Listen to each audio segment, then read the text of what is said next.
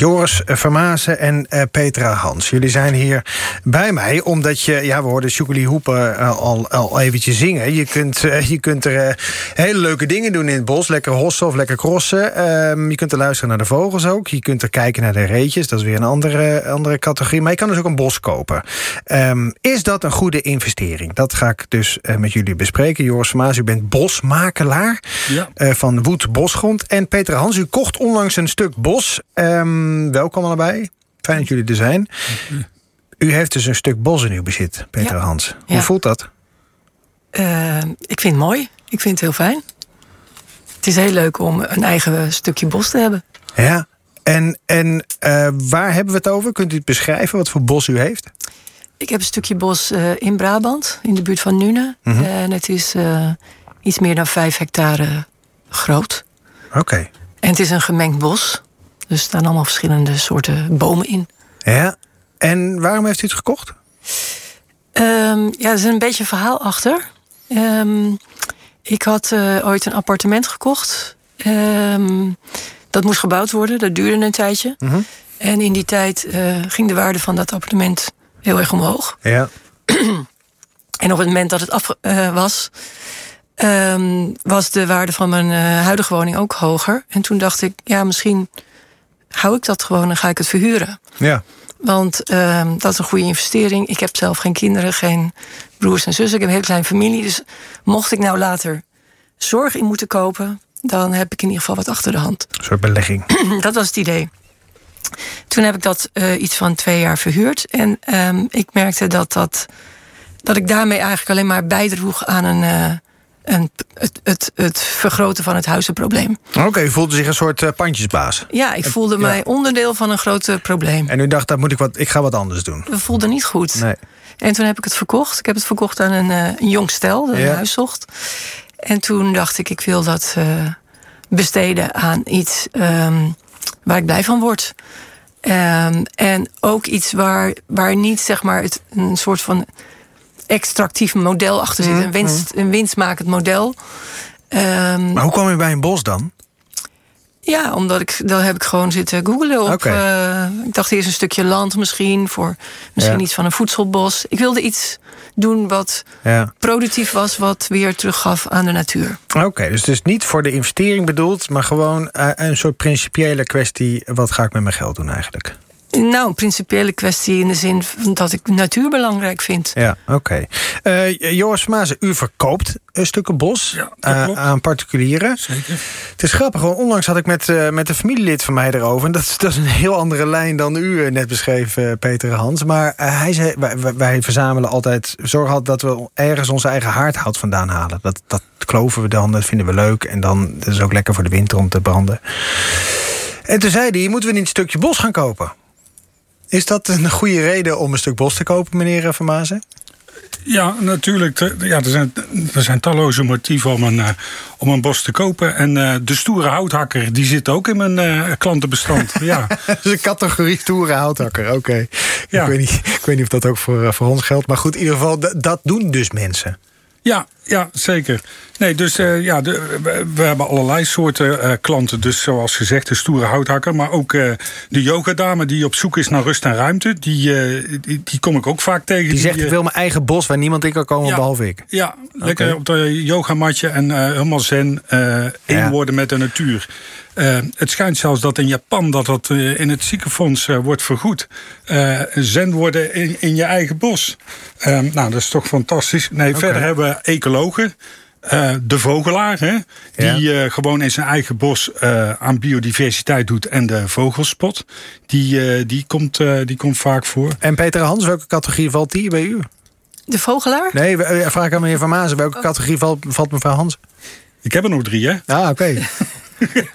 Nou, nee, ik heb nog een, eh, de, de outdoor eh, man en vrouw. Gericht op beweging en op survival. Die Ja. heb ik.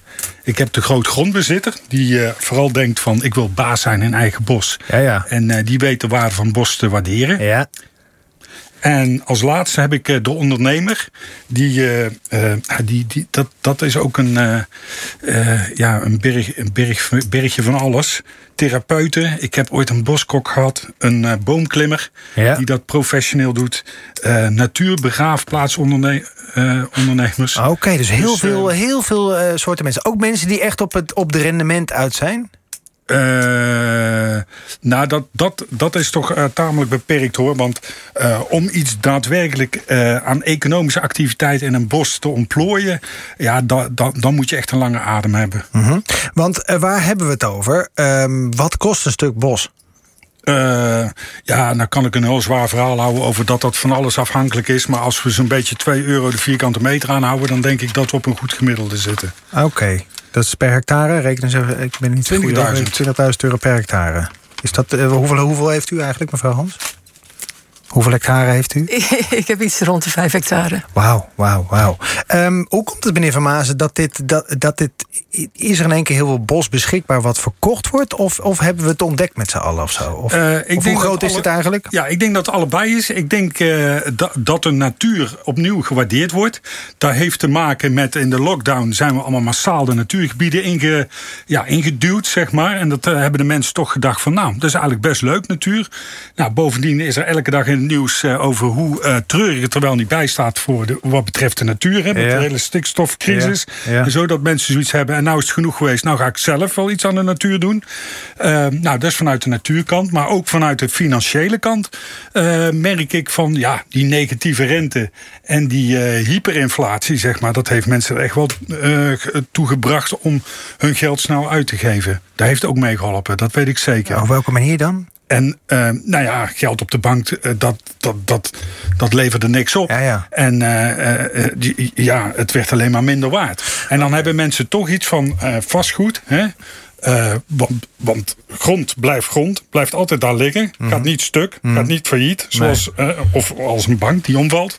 Um, en zo kan je natuurlijk, nou, dat geeft mensen zekerheid. Oké, okay, dus het is ook een vertrouwenskwestie eigenlijk. Van ik kan mijn geld op, de, op, een, op een bank of waar dan ook zetten, maar ik weet niet zo goed. Ik, ik ja, dat ja, vertrouw ik niet helemaal. Ik stop het in, in bosgrond, dat is ja. gewoon een vaste waarde. Je ziet, ten tijde van crisis gaan mensen grijpen vaak terug hè, naar goud en naar grond.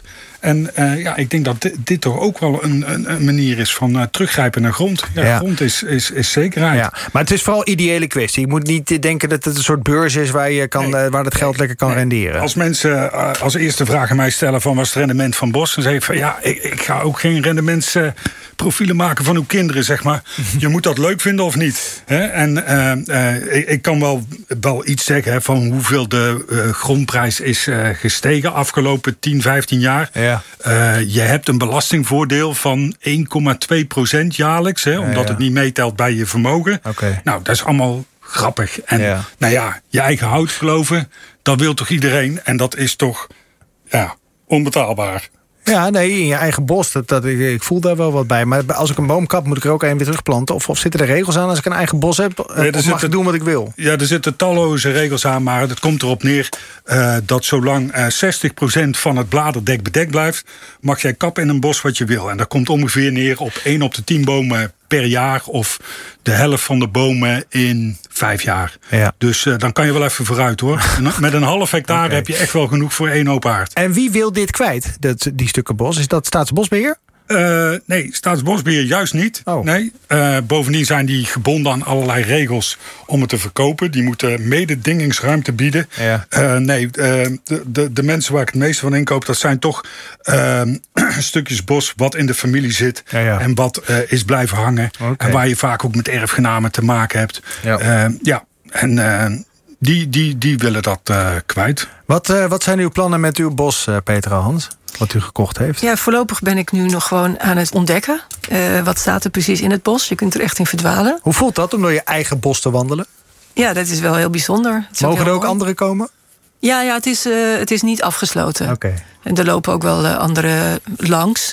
Ik denk dat er ook wel mensen ingaan. Ja. Dat vind ik leuk. Uh, maar ik zie ook um, heel veel wildpaadjes. Um, je ziet waar uh, reeën slapen, bijvoorbeeld.